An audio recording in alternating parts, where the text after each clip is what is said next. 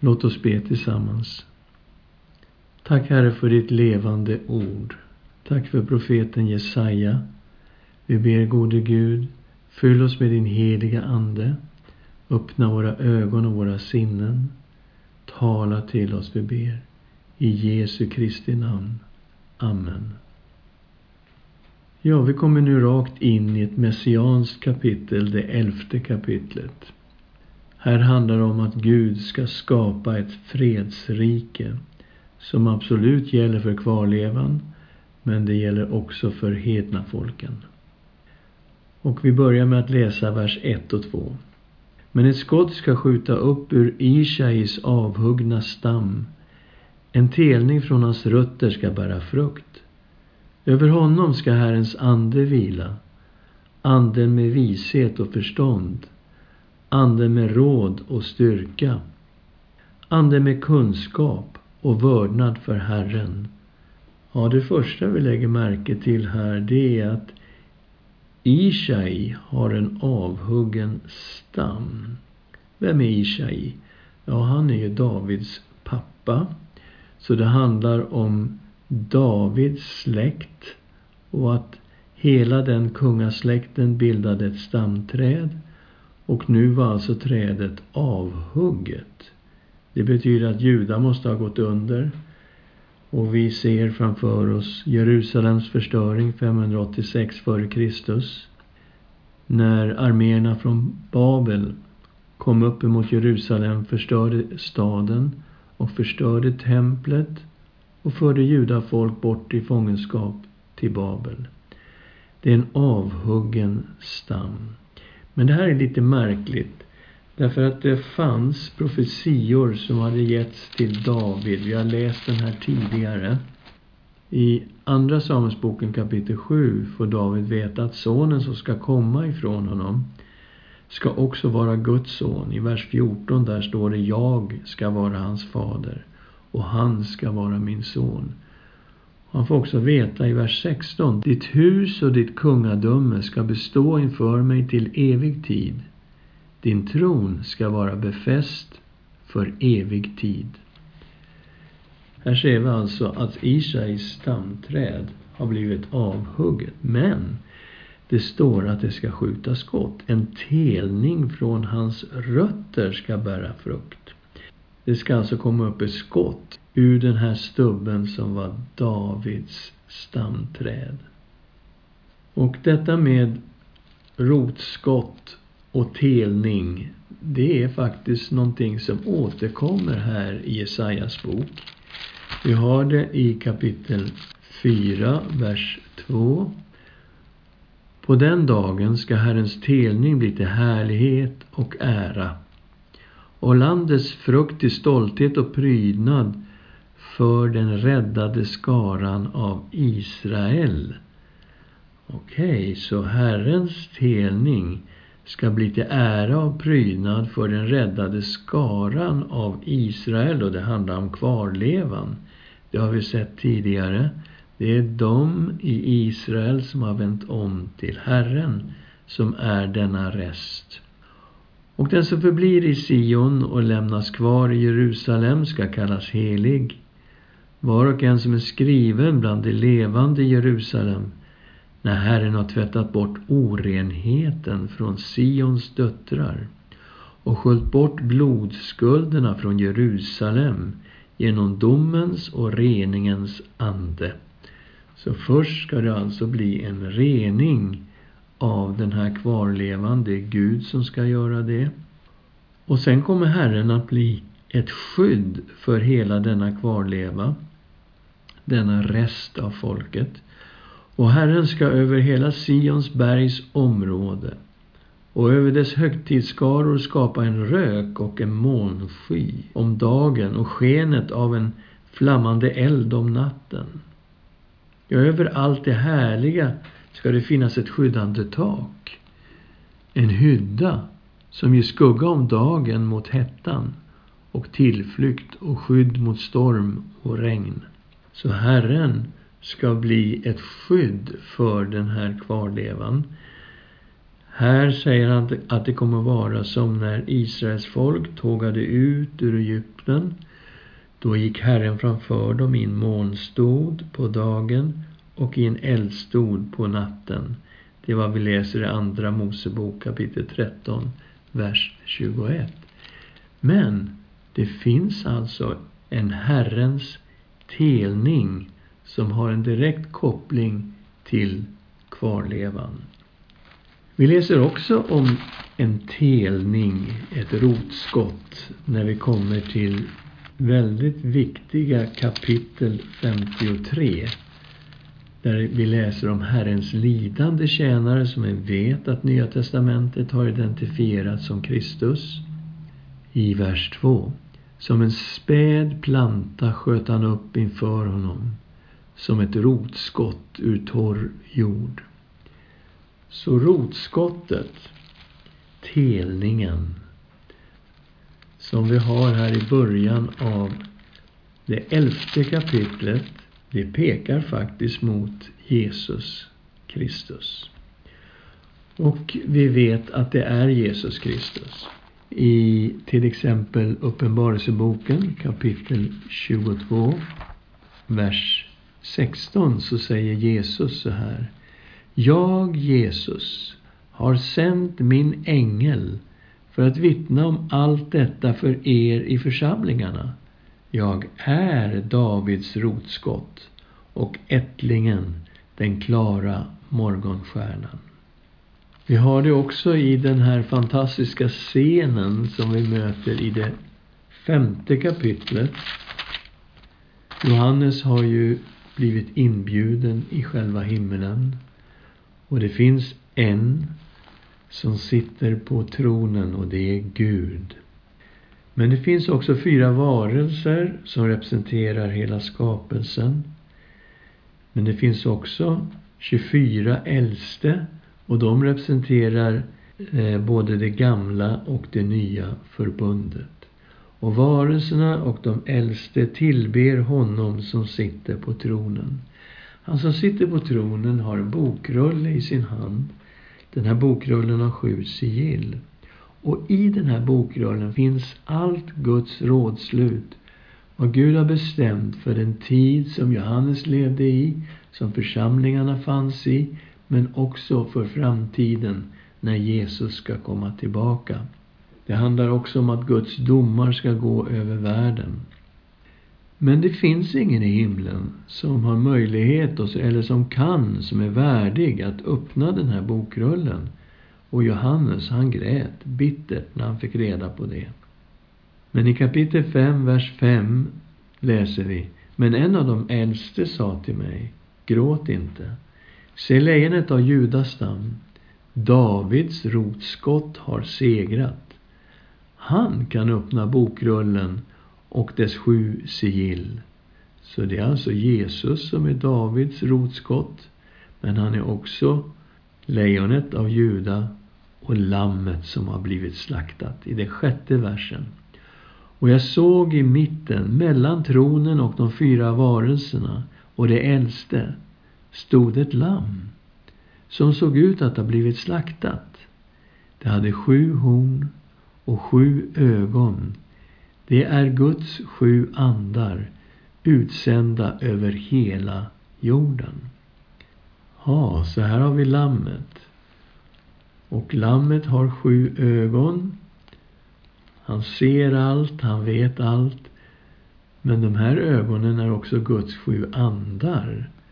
Och i Uppenbarelseboken möter vi ju detta att den helige Ande är presenterad som Guds sju andar Sju vet vi är fullhetstalet och det är också fullhetstalet för Guds ande. Men var kommer det här begreppet med Guds sju andar ifrån?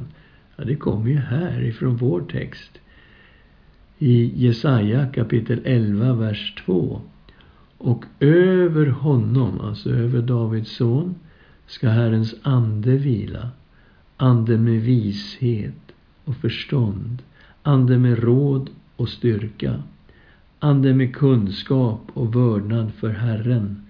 Om vi då räknar in Herrens ande som nummer ett, så har vi de sju karaktärsdragen här för den helige Ande som är över Kristus.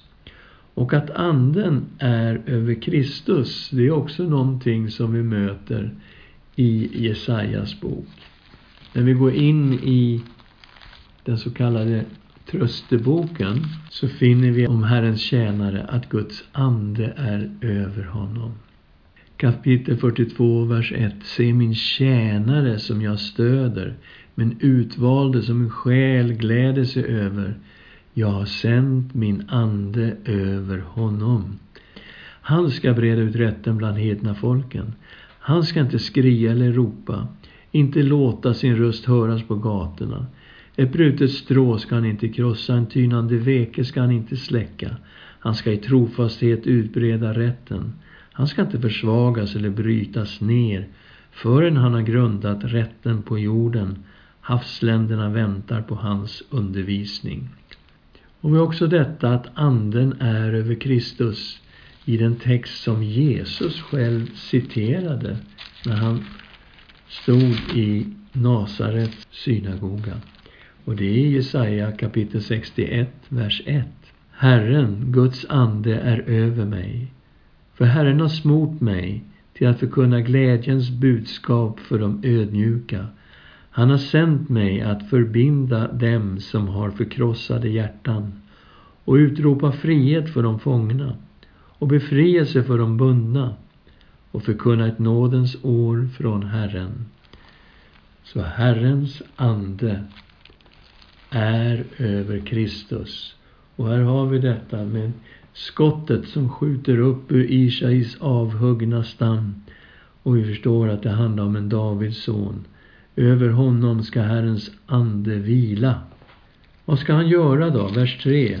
Han ska ha sin glädje i vördnad för Herren. Han ska inte döma efter vad ögonen ser eller avgöra efter vad öronen hör. Nej, Hans kunskap i att döma kommer från fullheten av anden som är över honom. Utan han ska döma de fattiga med rättfärdighet och med rättvisa skaffa rätt åt de ödmjuka på jorden. Så hans dom kommer att vara rättfärdig och fullständigt rättvis och de ödmjuka som förtrampades, ja, han kommer skaffa dem rätt. Och vi hör Jesu ord från bergspredikan. Saliga är de ödmjuka. De ska ärva jorden. Vad har han för vapen då när han ska bekämpa ondskan och ogudaktigheten? Ja, det är hans ord. Han ska slå jorden med sin muns stav, döda de ogudaktiga med sina läppars ande. Det är någonting som kommer ut ur hans mun. Det är auktoriteten och kraften i hans ord som kommer vara hans vapen mot synden och ondskan. Rättfärdighet ska vara bältet runt hans midja, trofasthet bältet om hans höfter. Riket kommer kännetecknas av rättfärdighet och trofasthet. Vad ska det bli av detta? Vilket slags rike kommer han att skapa? Ja, vi har ju fått fingervisningar tidigare. I det andra kapitlet läste vi om ett underbart fredsrike som Gud ska skapa i den yttersta tiden. Och då kommer Jerusalem ha en väldigt central plats, har vi förstått här. Och alla hedna folk kommer att beröras av detta rike.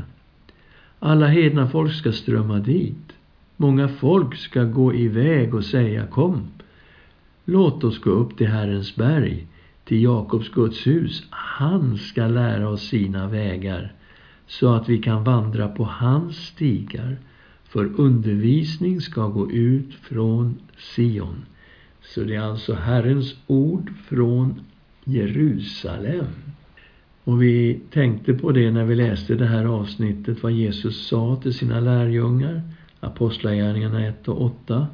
När den heliga Ande kommer över er ska ni få kraft att bli mina vittnen i Jerusalem, i Judeen och Samarien och till jordens yttersta gräns. Ja, Herrens ord ska verkligen gå ut ifrån Jerusalem. och det ska gå till hedna folken. Han ska döma mellan hedna folken och skipa rätt för många folk. Då kommer fredsriket. Då ska de smida sina svärd till plogbillar och sina spjut till vingårdsknivar. Folk ska inte lyfta svärd mot folk och inte mer öva för krig. Det kommer att bli ett fridsrike en dag. Och det förra väldigt starka messianska kapitlet som vi läste, det var i nionde kapitlet. Och där fick vi lära oss att en son skulle födas och herradömet skulle vila på hans axlar. Hans namn är under, rådgivare, mäktig Gud, evig far, fridsförste. Okej, okay han kommer att regera i ett fridsrike, ett fredsrike. Så ska herradömet bli stort och friden utan slut över Davids tron och hans rike.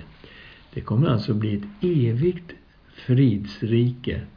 Och den som ska göra detta, ja det är den här sonen. Och nu är vi inne i det elfte kapitlet. Och vi kan förvänta oss att det rike som Davids son ska göra, det kommer att vara ett fantastiskt fridsrike. Hur beskrivs det här? Jo, det beskrivs så. I sjätte versen. Vargar ska bo tillsammans med lamm. Leoparder ska ligga bland killingar. Kalvar och unga lejon och gödboskap ska vara tillsammans. Och en liten pojke ska valla dem. Kor och björnar ska gå och beta. Deras ungar ska ligga tillsammans. Och lejon ska äta halm som oxar. Ett spädbarn ska leka vid huggormens håla. Ett avvant barn räcka ut handen mot giftormens öga. Alltså det handlar ju om paradiset. Det här är ett rike som liknar själva paradiset. Och ondskan då, vad hände med den? Ingenstans på mitt heliga berg ska man göra något ont eller förstöra något. För landet ska vara fullt av Herrens kunskap, liksom vattnet täcker havet. Så det här riket kommer inte finnas någon ondska och ingen synd. Istället kommer det att finnas en kunskap, en Herrens kunskap. Och den kommer att vara utbredd över hela riket. Helt fantastiskt. Och vi vet ju från Jeremia att det ett av kännetecknen på det nya förbundet är att alla ska känna Herren. Och det här är fantastiskt, men får vi hedningar vara med i det här? I 11 och 10 läser vi. Det ska ske på den dagen att hedna folken ska söka Ishais rot där han står som ett baner för folken och hans boning ska vara härlig. Ja, hedna folken kommer också att söka Davids son Ishais rot. Vi får vara med. Vi kommer att läsa mer hur det här ska gå till snart. Men naturligtvis så kommer kvarlevan också att vara med. På den dagen ska Herren för andra gången räcka ut handen för att friköpa en rest av sitt folk som är kvar från Assyrien, Egypten, Patros, Nubien, Elam, Kinar, Hamat och havsländerna. Första gången, ja det var när Herren genom Mose befriade Israels folk ut ur Egypten och förde dem till löfteslandet. Här är det en ny befrielse som pågår och den kommer till detta underbara fredsrike och den kommer till Davids son, till Messias. Vers 12. Han ska resa ett baner för hedna folken. Så hedna folken får vara med i detta församlande och samla de fördrivna av Israel och de kringspridda av Juda. Så det kommer inte längre att vara de här två rikena med Israel i norr och Juda i söder. De kommer att samlas i, till ett rike från jordens fyra hörn. Och det är alla väderstrecken då. Folk kommer från norr, söder, öster, väster.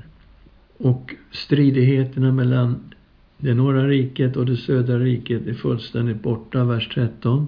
Då ska Efraims avund upphöra och Juda fiender utrotas. Efraim ska inte avundas Juda och Juda inte vara fiende till Efraim. Det kommer att vara ett enat rike. Kvarlevan kommer att besegra alla sina fiender.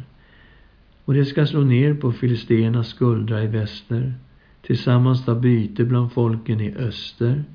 Det ska räcka ut sin hand över Edom och Moab och ammoniterna ska lyda dem. Folk i väster, det var ju filisterna. Folk i öster, det var Edom, Moab och Ammon. Och folk ska komma till det här riket och till Davids son, till och med ifrån Egypten. Herren ska torka ut Egyptens havsvik. Ja, kan syfta på, på det sätt som Gud delade Röda havet när Israel befriades ut ur Egypten. Lyfta sin hand mot floden med en brännande vind. Floden kan vara Nilen. Han ska klyva den i sju bäckar så att man kan gå torrskodd över. Det ska bli en banad väg för den rest av hans folk som är kvar från Assyrien, så som det var för Israel på den dag de drog upp ur Egyptens land. Så Herren kommer att ordna på något sätt så att barlevan kommer ifrån Egypten och de kommer ifrån Assyrien. Och de kommer faktiskt från jordens alla hörn.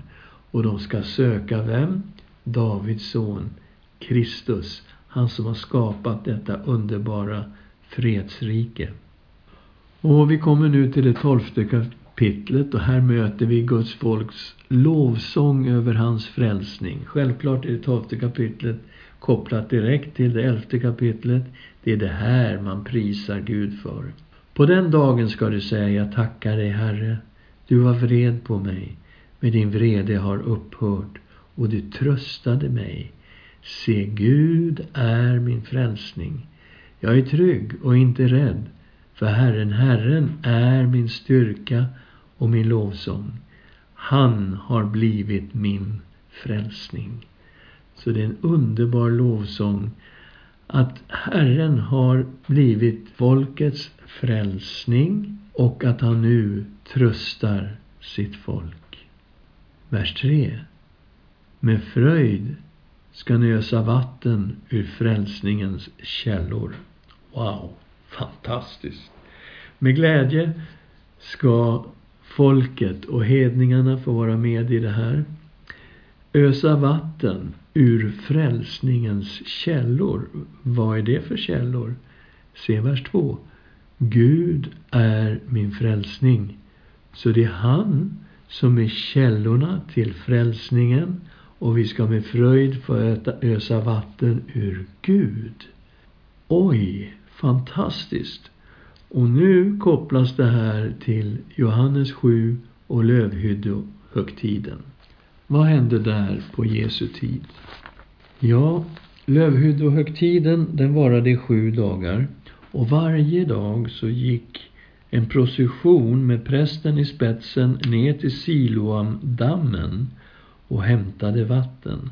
Och man förde vatten upp i en procession till templet och vattnet östes ut över altaret. Allt det här var en, en vattenceremoni med bön om vatten för det kommande året. Den sjunde dagen som var lite speciellt. Den här processionen gick från Siloam till templet. Prästen han gick främst och förde vattnet och cirkulerade runt altaret sju gånger och under tiden så sjöng man psalm 112 till psalm 118 och han öste vattnet över altaret och folket sjöng härifrån Jesaja 12 och 3. Vad sjöng de? Samtidigt som prästen öste vattnet sjöng de Med fröjd ska ni ösa vatten ur frälsningens källor. Det är alltså i den här situationen som Jesus talar om den helige Ande. Vi läser i Johannes 7.37. På den sista dagen, den största i högtiden, stod Jesus och ropade om någon är törstig, kom till mig och drick. Den som tror på mig, som skriften säger ur hans innersta, ska strömmar av levande vatten flyta fram. Detta sa han om anden, som de skulle få som trodde på honom. Anden hade nämligen inte kommit än, eftersom Jesus ännu inte hade blivit förhärligad. Så om det finns någon som är törstig efter Gud, kom till Jesus. Han ska ge levande vatten. Och det blir någonting som strömmar inom oss och det handlar om den helige Ande. Och här i Jesaja 12 och 2 läser vi Gud är min frälsning och vers 3 med fröjd ska ni ösa vatten ur frälsningens källor. Och vi vet nu att det här är direkt kopplat till Jesus och direkt kopplat till den heliga Ande. Men hur var det då med hedna folken? Hur ska vi få reda på allt det här? I 12 och 4.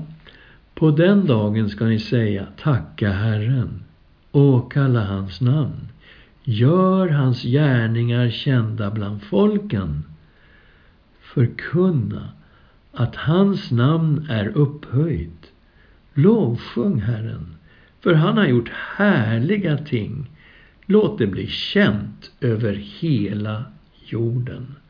Och det här är verkligen en kallelse till mission som ska gå ut ifrån Jerusalem. Guds ord ska gå ut ifrån Jerusalem och det ska gå till alla folken och det ska bli känt över hela jorden.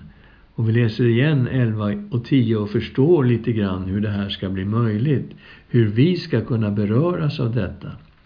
Det ska ske på den dagen att hedna folken ska söka Ishais rot där han står som ett baner för folken och hans boning ska vara härlig.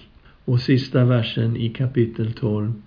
Ropa av fröjd och jubla, ni Sions invånare, för Herrens helige är stor, han är mitt ibland er. Helt fantastiskt. Vi förstår här nu att vi har läst ett väldigt centralt messianskt kapitel i Gamla testamentet. Det handlade om rotskottet som kom från Ishais avhuggna stam. Och det här är en Davids son. Och över honom vilar fullheten av Guds ande. Han ska skapa ett rike som kännetecknas av självaste paradiset. Och vi vet att det här är ett fredsrike. Och det är underbart för Israel, för kvarlevan, de judar som har vänt om till Herren. Men det är också underbart för hedna folken. För vi ska också få vara med och söka Isais rot. Det är alltså Kristus vi ska söka. Och det här mynnar ut i en underbar lovsång. Och med fröjd ska vi få ösa vatten ur frälsningens källor. Ska vi be tillsammans. Tack Herre för ditt levande ord. Tack för profetiorna som vi har läst här. Och vi tackar dig för att alla Guds löften har gått i uppfyllelse i dig, vår Herre Jesus Kristus.